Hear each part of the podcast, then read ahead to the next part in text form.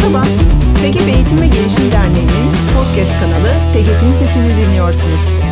Eğitim ve gelişim dünyasına dair her şey ve pek çok ses bu kanalda dinleyenlerini bekliyor. Şimdi sesi biraz daha açın çünkü yeni bölüm başlıyor. Herkese merhaba. TGB'in Sesi podcast kanalına hepiniz hoş geldiniz. Podcast ekibinden ben Deniz Bir Sanat Akay, sevgili arkadaşım Ömür Doğan'la birlikte sizlere sesleniyor olacağız. E, bugünün e, bizi çok heyecanlandıran bir konusu var. Eminim ki eğitim ve gelişim alanındaki herkes için etkileyici bir söyleşi olacak. Çünkü bugün İK analitiğini konuşuyor olacağız e, ve yanımızda çok değerli bir isim var.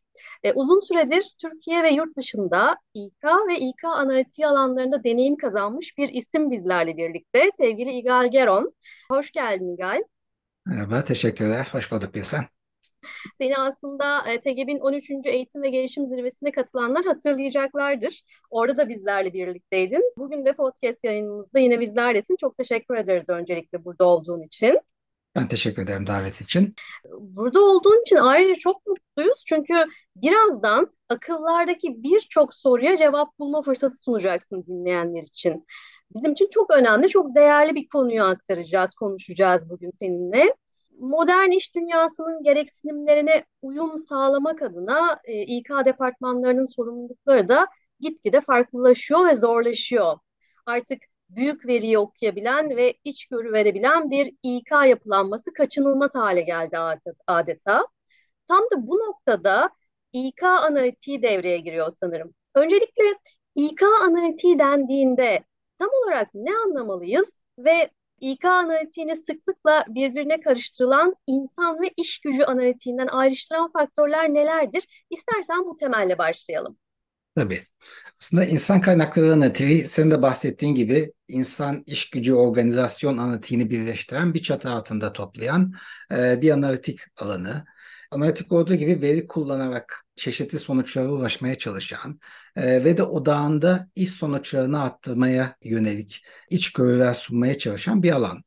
Bu alan aslında insan kaynaklarında çok yeni bir alan. 2010 senelerinde daha girişimci, progresif şirketlerin e, bu konularda bazı eksperimentler yaptığını görüyoruz. Google, Apple gibi şirketler e, kendi içerisindeki işte data analizi, data bilimi, e, veri bilimi alanlarını kullanarak insan kaynakları konularında bazı e, deneyimlerle başlıyorlar. 2015'e geldiğimiz zaman bu e, deneyim bu eksperimentler başarılı olduğunu görüyoruz ve daha büyük şirketlerde e, yavaş yavaş bu e, insan kaynakları e, analitiği takımlarının açıldığını görüyoruz.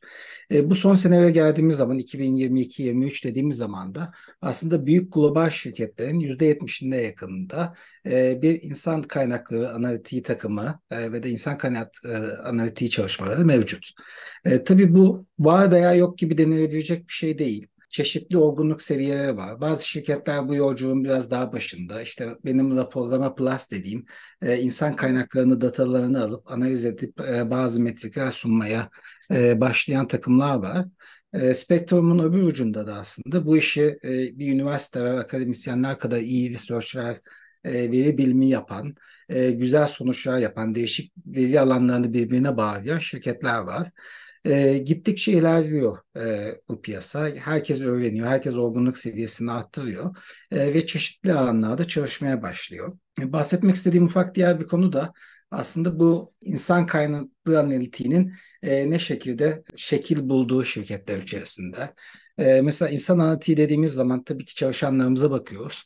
Ancak bu hani sadece çalışanlara bakıyoruz, organizasyona bakmıyoruz, tek başına e, bir e, bubble'a koyuyoruz gibi değil. E, değişik alanları var. Bir iş zekası kısmı var. E, bu iş zekası kısmı birazcık daha işte raporlamayı, datayı alıp stratejiye, metriklere bağlamaya çalışan bir alan. Genelde iş zekası insan kaynakları analitiği takımlarında olmazsa olmaz oluyor. Onun yanında organizasyon analitiği takımları oluyor. Bu da organizasyonla ilgili değişik metriklere, KPI'lere ve organizasyonun e, gelişimine fokuslanan, insandan bağımsız olarak pozisyona, bağlantılara fokuslanan bir takım oluyor. E, bazı şirketlerde işte employee listening dediğimiz çalışan memnuniyeti anketleri e, veya çalışan deneyim anketlerinin ve süreçlerinin yönetildiği takımlar oluyor. E, veri bilimi takımları oluyor, danışmanlık takımları oluyor. E, dolayısıyla piyasa ilerledikçe bazı şirketlerde gel, e, geliştiğini ve e, daha yayıldığını görüyoruz. Bazı şirketlerde fokuslandığını görüyoruz. E, ancak artık yatsınamaz olan bir şey e, insan kaynakları analitiği e, insan kaynaklarındaki yerini aldı ve devam ediyor. Kesinlikle öyle, kesinlikle öyle. Aslında birçok konusuna değindin ama ben yine de çok spesifik olarak artık geleneksel olan her şeyi sorguladığımız bir dünyada, bu çağda İK analitiği, İK ve yöneticilerin hayatına yeni ne katacak? Bir sen senin de bahsettiğin gibi ben e, çalışma hayatımı insan kaynakları kısmında başladım e, ve insan kaynakları yöneticiliği yaptıktan sonra analitik kısmında uzmanlaştım. İnsan kaynaklarında lider olmak, özellikle en yukarıdaki lider olmak gerçekten çok zor. Bir insan kaynakları lideri e, finansla oturup çalışan bütçesini bir finansçı kadar iyi konuşabilmeli. Genel müdürle konuşup iş konuşabilmeli. İşte satışla oturduğu zaman satış kanallarını anlamalı ve buna gereken profilleri anlamalı. E, legalle e, konuştuğu zaman e, çalışma yasasını anlayıp bu konuda e, uzmanlık belirtebilmeli. Ve bunun ötesinde bunların hepsini elinde veri olmadan e, yapmak zorunda kalıyor. E, bu da insan kaynakları yöneticilerinin, liderlerinin işini çok daha zorlaştırıyor. Ee, şimdi ufak bir örnek vermek istiyorum. Ee, eskiden nasıl oluyordu insan kaynakları ve ileride nasıl olma, oluyor, nasıl gerekiyor ve de nasıl olacak?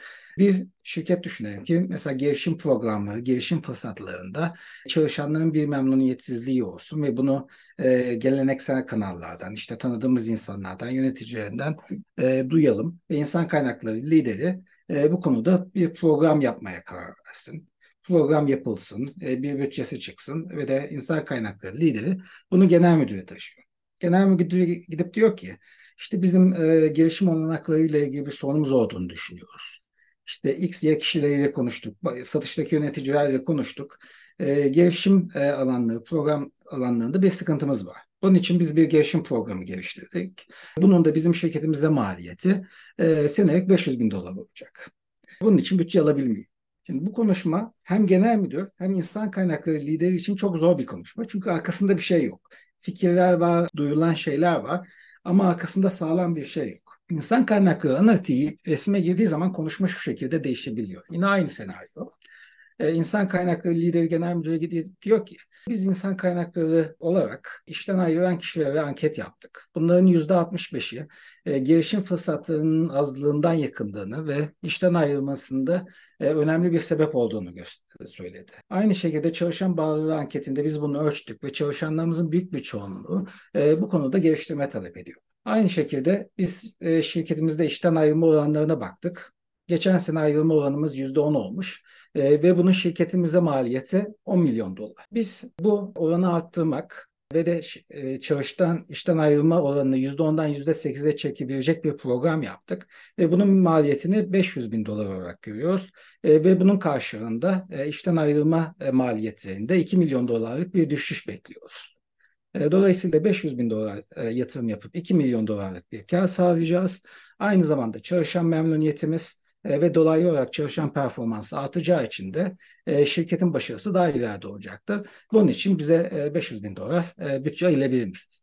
Bu çok daha farklı bir konuşma oluyor. Hem insan kaynaklarını çok daha güzel bir yere konumlandırıyor. E, daha iyi stratejik bir iş ortağı yapıyor. Hem de bu genel müdürle veya işte finans müdürüyle, satış müdürüyle e, fikre e, dayalı, e, kendilerinin anılmasına dayalı olan konuşmayı farklı bir yere çekiyor o kadar güzel bir yere değindin ki İgal. Gerçekten bizim eğitim ve gelişim alanında çalışanların, akademi alanında çalışanların gerçekten kanayan bir yarası aslında bu. Tam da böyle bütçelerin şu an yenilendiği, yeni bütçeleri almaya çalıştığımız, biliyorsunuz şirketlerde kesinti yapıldığında ilk e, versiyon İK veya gelişim tarafında, eğitim tarafında olur. Dolayısıyla biz böyle güçlü verilerle çıktığımız zaman gerçekten elimiz çok fazla güçleniyor ve bu da sanırım üst yönetimin en çok isteyeceği şeydir bu şekilde onlara gidiyor olmak. Aslına bakarsan e, tam da buna benzer bir soru soracaktım. Belki bunu biraz daha açabiliriz burada. Şimdi Hı-hı. verilerden ilham almaktan bahsediyoruz ya. Burada bakılması gereken sence en önemli metrikler e, neler olabilir saydıkların dışında? Ve aynı zamanda da üst yönetimiyle hangi metrikleri paylaşmak daha doğru olur? Aslında bunun tek bir cevabı yok. Her organizasyonda bakılması gereken bazı hijyenik metrikler var. Ama bunlar en çok değer katan metrikler değil. Mesela çalışan ayrılma olanına, e, bunun sebeplerine, işte ne kadar yeni işe başlayan kişi var, ne kadar promosyon olmuş, ne kadar devinim olmuş. E, bunlara düzenli bakmak gerekiyor ve kontrol altında tutmak gerekiyor. Ama bunlar birazcık daha organizasyonel dinamiği anlatan şeyler en çok başarıya taşıyacak şey aslında metrikleri stratejiyle birleştirmek. Ee, bizim şirket stratejimiz, insan kaynakları stratejimiz e, neye bakıyor ve hangi alanlarda ilerlemek istiyor e, ve biz bunları metriğe nasıl dökebiliriz? E, dolayısıyla kendi başına duran metrikler okey. Hani bazı şeylere devamlı bakıyor olmamız lazım. Ama önce önümüze stratejiyi alıp onu ölçen metrikleri bulduğumuz e, ve de bunu düzenli olarak hem şirket yönetimimizle hem insan kaynakları yönetimimizle paylaştığımız zaman e, bunun tabii ki hem etkisi hem de değeri çok daha farklı oluyor. Bir de bir bahsetmek istediğim bir konu daha var e, aynı alanda. Her zaman genel e, klasik bakış açısı işte elimizde ne data var ne metrik ulaşabiliriz ne metriklerle ölçebiliriz e, ve bunu nasıl raporlayabiliriz diye e, bakıyor şirketler. Aslında bu biraz önce de bahsettiğim işte bir çalışan memnuniyeti anketi olabilir, çalışan deneyimi anketi olabilir. Bir eğitim projesi yaptığımızda o eğitimin sonucuna yönelik e, anketler veya ölçümler olabilir. E, data toplamaya başlamak da önemli. E, dolayısıyla o datayı topladığımız zaman da yine yönetime bu stratejik e, perspektifte daha doğru datalar sunabiliyoruz. Peki şimdi tam da bu noktada aslında biz her konuyu eğitim ve gelişim tarafına bağlamayı çok seviyoruz. Biraz önce senin de aktardığın gibi. Şimdi kan ağlayan yerimiz dedim ya burası için raporlamalar, veriyle konuşmak. Bunlar en önemli konulardan bir tanesi. Eğitim ve gelişim alanı tarafında İK bizi farklı nasıl destekler peki? Aslında insan kaynaklarının diğer alanları gibi e, eğitim alanında da oldukça e, etkisi olacağına inanıyorum. Özellikle eğitim alanında ve analitik olarak bakan kişilerin her, herkesin bileceği bir Kirkpatrick modeli vardır. Hani bunun e, başlangıcı reaksiyonu ölçmek, eğitime olan reaksiyonu ölçmek, son aşaması da iş sonucuna olan etkisini ölçmek. Bunun adımları var ve de aslında teorik olarak baktığınız zaman işte reaksiyonu, öğrenmeyi, davranış değişikliğini ve iş sonucuna etkisini ölçmek çok mantıklı ve çok olağan bir şey gibi geliyor. Ancak bunu yapabilmek çok kolay değil. Mesela bir teknik bir iş yapan birine teknik bir eğitim verdiğiniz zaman o eğitiminden alınan reaksiyonu öğrenilmiş mi, öğrenilmemiş mi, e, doğru uygulayabiliyor mu ölçmek çok kolay aslında. E, ancak günümüz dünyasına baktığımız zaman özellikle beyaz yakalarda, ofislerde konular o kadar karmaşıklaşıyor ki e, bunu oturup ya biz işte eğitim verdik, öğrendi mi öğrenmedi mi bunu ölçmek istiyoruz dediğimiz zaman sonuca ulaşmak çok mümkün değil. Hani bazen bazı eğitimlerde işte eğitimin sonunda testler yapılıyor, öğrenilmiş mi diye. Tabii ki bunlar pozitif adımlar, çok yardımcı olan adımlar. Ama gerçekten öğrenme olmuş mu? Gerçekten davranış değişikliğine yol açmış mı? E, ve de bunun sonunda iş sonuçlarına pozitif bir etki ediyor mu? Bunun için özel analizler e, dizayn edilmesi gerekiyor. Mesela bir lider, liderlik eğitimi yapmak istiyoruz mesela ve liderlikte bir şey değiştirmek istiyoruz. E, biz bunu nasıl ölçeceğiz? Şimdi aslında soruda saklı bunun cevabı. Biz bu eğitimde neyi değiştirmek istiyoruz? İşte liderlerin çalışanlarını davranışlarını değiştirmek istiyorsak e, bunu ölçeceğimiz şey çalışan memnuniyet anketi olabilir. O liderin arkasındaki istifa oranı olabilir. E, veya biz bu liderlik eğitimiyle performansı yükseltmek istiyorsak e, o zaman o bölgedeki performans artışını diğer bölgelere olan e, olanına bakabiliriz. E, ve de verdiğimiz eğitimin fark yaratıp yaratmadığına bakabiliriz. Veya işte bir e, fabrika ortamında instant kazayı azaltmak istiyorsak aynı şekilde verdiğimiz eğitimin sonucu aslında ki e, kaza sayısının ölçümü olacaktır. Dolayısıyla her yani ortak bir formül olmasından çok iyi bir e, sonuca ulaşmak istiyorsak e, yaptığımız eğitim, ulaşmak istediğimiz sonuç nedir onları kurgulayıp e, onu nasıl ölçebiliyoruz diye bakıp e, oradan geri gelmek gerekiyor. Aksi takdirde her şey çok havada kalıp yönetime gittiğiniz zaman e, çok inandırıcı olmayan rakamlar veya e, çok size yardımcı olmayan ölçümlerle gidebiliyorsunuz. Aslında burada şeyi duyuyorum. Hani biraz önce dedin ya metrikleri stratejiyle birleştirmekten bahsetmiştin. Doğru. Burada da e, eğitimi belki sonucunu en doğru şekilde ölçebilmemiz için de ihtiyaca çok iyi belirlemek ve odaklanmak gerekiyor diye düşünüyorum. Bunu duyuyorum senden de. Biz de aslında eğitim ve gelişim ve akademiler olarak ihtiyaç analizine çok fazla önem veriyoruz. Yani her şey aslında bütün kritik noktalar orada başlıyor ve orada bitiyor diyebiliriz değil mi? Evet, aslında purposeful olmak, hani e, belirli bir amaca yönelik hareket etmek, o amacı anlamak ve onun çevresinde gitmek her zaman çok daha önemli oluyor. E, benim de gelen iş müşteri, iç müşterilerim e, bir proje, bir metrik yapmak istediği zaman benim ilk sorduğum soru aslında, okey, stratejin ne? Bana önce onu anlat. Vizyonun, mizyonun ne? Değiştirmek istediğin şey ne? E, bununla ilgili hangi metrikler olabilir? Datadan bağımsız olarak düşünüyoruz. Hangi metrikler, hangi KPI'ler olabilir? Ondan sonra yavaş yavaş metriklere bağlayıp, e, dataya bağlayıp e, onu ölçümlemeye bakıyoruz. Bazen bu proje bir sene de sürebiliyor. Hani tartışma başladıktan bir sene sonra güzel, e, doğru sonuçlar da alabiliyoruz. Ama en azından aldığımız sonuçlara inanıyoruz e, ve de e, daha iyi gidebiliyor. Kesinlikle öyle. Peki şunu merak ediyorum e, İgal. İK camiasında İK analitiğini nerede görüyorsun? yerini alıyor yavaş yavaş. Artık özellikle hani ben de şu anda Helion isimli şirkette çalışıyorum. Bu da aslında iki senelik bir şirket. GlaxoSmithKline şirketinden ayrıldık. Dolayısıyla çok farklı şirketlerden gelen yöneticilerle çalışma e, fırsatım oluyor. Çok rahat hangi şirketin e, güzel insan kaynakları uygulamaları olduğunu anlayabiliyorum. Çünkü bazı liderler gelip data soruyorlar, metrik soruyorlar ve çalışırken bunlarla konuşmak istiyorlar. Ee, diğer yöneticiler ise e, böyle bir ortamdan gelmediyse hala geleneksel olarak iş yapmaya çalışıp e, işte nasıl ilerleyebiliriz, daha konseptüel konulardan bahsediyorlar.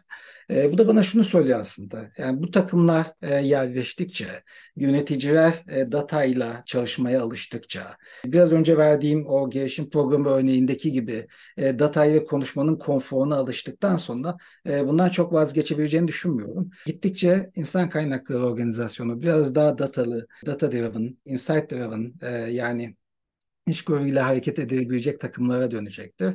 E, ve de e, bu bir insan kaynaklarına da norm olacaktır diye bekliyorum. Peki İK profesyonellerine İK analitiği ipuçları olarak neler söylemek istersin? Bu aslında bir olgunluk yolculuğu. E, dolayısıyla e, yolculuğun başında e, çok fazla sonuçları veya çok kompleks analizler e, yapamayacağına insan kaynakları profesyonelleri alışmış olması lazım. İlk başladığınız zaman veya ilk bir e, yeni bir e, insan kaynakları analitiği takımı kurduğunuz zaman hemen sonuca ulaşmayacaksınız. Belki bu bir sene ve iki sene alacak. E, ama bu olgunluk yolculuğunda ilerledikçe daha derin, e, üst üste koyulmuş, daha e, besleyici sonuçlara ulaşacaksınız. Ve şirket kültürü bu şekilde değişecek. Dolayısıyla insan kaynakları analitiği takımı içindeyseniz veya partnersanız veya yönetiyorsanız da birazcık sabırlı olup bu olgunluk yolculuğunu takip etmek önemli bir şey. İkincisi de son 10 dakikada devamlı tekrarladığım stratejiye bağlı olmak. E, strateji her zaman gözünüz önünde olması lazım. Analiz için analiz yapmıyoruz. Belirli bir fayda üretmek için e, bir analiz yapıyoruz. Bir içgörü çıkartıyoruz. E, dolayısıyla stratejiye bağlı olmayan hiçbir şey güzel bir sonuç ulaştırmıyor. En güzel analizi de yapsanız, en güzel şekilde sunsanız, anlatsanız da e, bir fayda sunmuyorsa onun hiçbir değeri kalmıyor. Dolayısıyla aslında müşteriyi anlamak, müşterinin ihtiyacını anlamak, senin de söylediğin gibi bir sen, o ihtiyaç üzerinden ilerleyip bir sonuca ulaşmak bence çok daha doğru olacaktır. Peki stratejiye çok vurgu yaptın ya aklıma şu hani unutulmaz söz geliyor e, kültür stratejiyi kahvaltıda yiyor ya sen bu kültür değişimine uyum hakkında neler düşünüyorsun? İnanıyorum e, bu söze e, öncelikle. E, bence kültür stratejiden daha da önemli ama stratejik kültürü değiştirmek üzerine de olabiliyor. E, sizin e, bir sene, iki sene, üç sene üzerine basa basa e, değiştirdiğiniz şeyler sizin kültürünüz haline geliyor. E, biraz önce sorduğun gibi bu insan kaynakları anlatı insan kaynakları nasıl etkileyecek? Aslında kültürü değiştirerek etkileyecek. Yani fikir kültüründen data kültürüne, iç kültürüne geçtikçe stratejiden bağımsız olarak insanlar bunu talep ettikçe, insanın bu faydalarını gördükçe bu tarafa doğru yönlenecektir diye bekliyorum. Ben de öyle umut ediyorum. Peki e, İK analitiğinin geleceğinde neleri bugünden farklı olacağını düşünüyorsun? Yani çünkü her gün her an değişen bir dünyada yaşıyoruz ya. Gelecekte bu nasıl bir versiyonla karşımıza çıkar sence? İnsan kaynakları ve şirketlerin alanı gittikçe değişiyor. Mesela 3 sene önce baktığımız zaman hayatımızda Covid yoktu. Herkes ofisten çalışıyordu. E, bugün geldiğimiz noktada her şey daha e, virtual, ekranlar üzerinde doluyor. Ofise gitme daha kısıtlı oluyor. Aynı şekilde global anlamda bir sürü trendler olacaktır ve şu anda bir trendin içerisindeyiz aslında. E, Artificial Intelligence trendinin içerisindeyiz. Geçtiğimiz sene e, ChatGPT ortaya çıktı ve hayatımızda birçok şeyi değiştirdi. Bu Artificial Intelligence alanında çok ciddi e, etkileri olacak. Mesela insan kaynaklı analitiğini düşündüğümüz zaman daha işte teknik kısmın ağır olduğu, işte kodlamanın yapıldığı, daha komplike sistemlerin ihtiyaç olduğunu görüyoruz. Ancak bu artificial intelligence bizim hayatımıza no coding tool'lar e, sokuyor. Yani e, belirli bir kodlama yapmadan, e, belirli bir analiz yapmadan aslında bir data verisini önümüze koyarak normal sohbet edermiş gibi sorular sorarak cevap almaya başlayacağız. E, dolayısıyla insan analitiği kısmı hem yaygınlaşırken e, bu gelen teknoloji de insan kaynaklarındaki herkesin bu dataya çok rahat e, ulaşabilmesini ve de istediği soruyu çok rahat sorabilmesini e, sonuç getirecek. E, dolayısıyla bu konunun e, önümüzdeki bir iki sene içerisinde çok daha hızlanacağını, çok daha farklı tool'lar ortaya çıkıp herkes için daha yaygın olacağına inanıyorum. Söylediğim gibi insan kaynakları analitiği olmazsa olmaz olacak zaten yöneticiler için ama her insan kaynakları çalışanı için de ulaşılabilir olacak yakında. Peki İgal, günümüzün popüler konularından birisi de biliyorsun çeşitlilik ve kapsayıcılık. İK metriklerinin burada önemi e, oldukça fazla diye düşünüyorum. Sen ne söylersin? Katılıyorum. Ee, özellikle bizim yakından çalıştığımız alanlardan e, bir tanesi bu. E, çünkü hem çeşitlilik hem kapsayıcılık çok rahat ölçebildiğiniz ve de aksiyon alabildiğiniz alanlar ve aksiyonun sonucunu kısa zamanda görebildiğiniz alanlar. Dolayısıyla çeşitli seviyelerde bunu ölçebiliyorsunuz. Mesela yine örnek vermem gerekirse cinsiyet çeşitliliği çok e, yaygın e, şirketlerin hedef koyduğu e, ve takip ettiği alanlardan bir tanesi. E, birincisinin bunu ölçülmek çok kolay. Çok hızlı bir şekilde ne kadar ilerlediğinizi, ne kadar ilerleyemediğinizi görebiliyorsunuz. Bundan sonra sadece ne oldu sorusu yani cinsiyet eşitliği ne oldu sorusu önemli değil. E, neden oldu sorusu geliyor ondan sonra.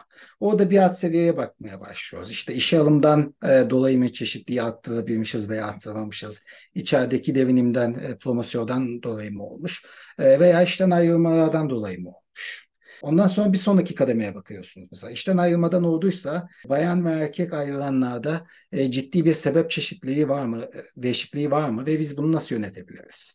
E, veya işe alımlarda e, tamam mesela yüzde elli yüzde elli işe almışız ama e, nerede farklılaşması? Mesela başvuru seviyesinde yüzde elli elli miydi? E, mülakat sürecinde yüzde elli miydi? E, o funnel'a bakıp e, daha fazla aksiyon alabilmeniz mümkün. E, dolayısıyla eskiden sene sonunda insan kaynakları yöneticilerinin ya ne oldu bizim eşitlik e, diye bakarken e, biz şu anda ay ay e, bu şekilde değişti. Bu dinamiklerden dolayı değişti ve buralarda değişiklik yapmamız lazım ki en son rakamı etkileyebilelim diye bakabiliyoruz. Kesinlikle öyle. Büyük bir rahatlık getireceği kaçınılmaz zaten. Peki ben sana özgü, sana özel bir soru sormak istiyorum aslında burada. Seni bu konuda tutkulu yapan şey ne?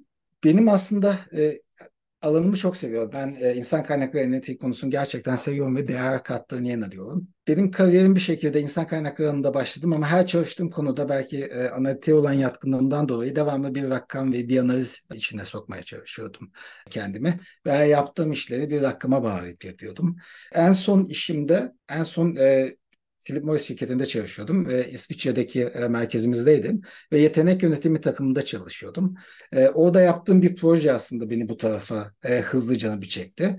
Yine basit yaptığımız bir projeyle CEO'muza, e, global e, genel müdürümüze e, stratejisini uygulayabileceği, aksiyon olabileceği bir e, rakam çıkartabildik.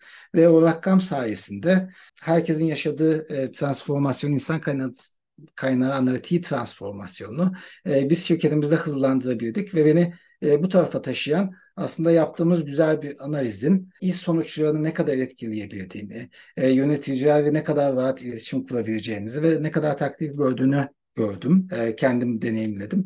E, ve de bunun önemini çok daha iyi anlayaraktan e, çok daha fazla desteklemeye yol açıyor. E, bu konuda daha tutkulu olmama yol açıyor. Hı hı. Rakamların gücü diyelim aslında değil mi? Evet. Artık rakama olması gereken yere geldi diyelim. Aynen öyle. E, bu alana yeni girecek kişiler için, yeni İK'cılar için ilham verecek kaynaklar, kitaplar, senin ilham aldığın e, kaynaklar var mıdır? Neler önerirsin? Günümüzde son aslında bilgiye ulaşmak değil, hangi bilgiye e, daha fikrimizi ve enerjimizi kanalize edebildiğimizi görmek. E, benim takip ettiğim tabii İngilizce olan bazı kaynaklar ve bazı kişiler var. Özellikle Avrupa'da David Green isimli bir fikir lideri var. Insight 222 isimli bir danışmanlık şirketinin eş genel müdürlerinden bir tanesi. Ve onun haftalık yayınladığı ve aylık yayınladığı insan kaynakları analitiği kaynakları oluyor. Yeni başlayanlar için onu takip etmenizi, LinkedIn'de takip etmenizi öneririm. David Green. O size birçok kapıyı açacaktır zaten. Onun e, koordine ettiği ve paylaştığı bir sürü artikel, bir, farklı kaynaklar başka e, fikir liderlerinizi yakalamanızı ve takip etmenizi sağlayacaktır. Bence bunu takip etmekte fayda var. E, aynı şekilde birçok platformda, LinkedIn Learning'de de değişik e, takip ettiğiniz platformlarda basit ve orta seviyede birçok kaynak var. E, bunları da takip etmenizi öneririm. E, zaten zamanla e, ilerlediğiniz e, ve ilgi duyduğunuz alanlarınızı gördüğünüz zaman e, o bilgiye ulaşmak daha kolay olacaktır. İgal çok teşekkür ediyoruz. Gerçekten verdiğin bilgiler ve kaynaklar bizim için oldukça değerli. Çünkü her ne kadar sen bu işin çok içerisinde olsan da gerçekten bizler için yeni başlıyor. Birçoğumuz için hatta e, yeni yeni başlıyor. Kültürü yeni dönüştürmeye çalışıyoruz İK analitik kısmında. Peki podcast'in yavaş yavaş sonuna gelirken e, ben ilginç bir soru yöneltmek istiyorum sana. Tabii. İK analitiğini bir pastaya benzetsen olmazsa olmaz üç malzemesi ne olur? güzel, güzel bir soru. Bence bir analitik dediğimiz zaman insan kaynakları analitiğinden bağımsız olarak da doğru bir veri seti, güçlü bir data seti olmazsa olmaz. Data bu işi sonuna getirmiyor. Hiçbir şekilde bir içgörü e, bulmanızı sağlamıyor. Ama iyi temizlenmiş, organize edilmiş bir data olmadan da e, bu pasta yapılmaz, bu pasta pişmez. İkincisi yine e, sıklıkla konuştuğumuz strateji konusu. İşi anlamadan, stratejiyi anlamadan e, nasıl bir pasta istediğimizi, meyveli mi olacak, çikolata mı olacak, içinde neler olacağı anlamadan bu pastayı da yapmak mümkün değil. Dolayısıyla strateji anlayışı ikinci olur. E, üçüncü de aslında bugün pek konuşmadığımız hikayeleştirme konusu, data ile hikayeleştirme konusu. Bu artık e, bir analiz yaptıktan sonra onu karşı tarafa nasıl ileteceğiniz konusu. E, ve insanlar hikaye duymayı, hikaye dinlemeyi ve hikayeyi anlamayı daha çok e, seviyorlar. Beynimizde o şekilde yapılandırılmış zaten. E, dolayısıyla e, bir analiz yaptıktan sonra da datayı e, direkt ortaya atıp bir e, slayda e, 3-5 tane data koyup onu sunmaktansa aslında bunun hikayesi nedir? E, bu data toplandı, ne demek oluyor, insanlara etkisi nedir diye anlatmak çok daha önemli. Yine aynı şekilde iş yerinde hikayeleştirme eğitimleri birçok vardır, e, kaynaklar da birçok vardır. Bunu datayla yapmanın da bazı metodolojileri var. E, bence üstüne olan krema, e, üstüne koyduğunuz meyveler de e, bu da e, datayla hikayeleştirme olur diye düşünüyorum. Bu da bence tadından yenmez diye düşünüyorum ben de. Yani temiz data, doğru strateji ve etkileyici anlatım, aktarımla e, bu iş olur diyorsun bize. Aynen, çok da güzel olur. Peki harika. Peki bu podcast'in tek bir kelime veya cümle ile akılda kalmasını istesen bu ne olurdu? Şunu paylaşmak isterim. Bütün insan kaynakları e, çalışanlarına eğitim alanında olabilir, eğitim alanının dışında insan kaynaklarında olabilir. E, ciddi bir değişiklik içerisindeyiz ve sizi buraya getiren, sizi bu zamana kadar başarılı kılan şey bundan sonra sizi başarılı kılmayacak. Çalışma modelleri çok ciddi değişiyor, piyasa değişiyor, teknoloji değişiyor ve de artık öğrendiklerimizi unutup tekrar öğrenme vakti. Dolayısıyla benim ki e, son vermek istediğim mesaj tek unutun ve tekrar öğrenin. Unutun ve tekrar öğrenin, yeniden öğrenin. Bu zaten artık motto oldu bizler için. Evet. Aynen. Ee, İgal bu keyifli sohbet ve değerli bilgiler için çok teşekkür ediyoruz sana. Tekrar bizimle birlikte olman bizim için mutluluk vericiydi. Bence de çok teşekkür ederim. Keyifli bir sohbet oldu. Çok teşekkürler. Evet bir yayının daha sonuna geldik. Biz dinlediğiniz için çok teşekkür ediyoruz ve bir sonraki yayında görüşmek üzere diyoruz. TGP'in sesinin bu bölümü sona erdi. Sesimizi çoğaltmak için sen de podcast'imizi paylaş.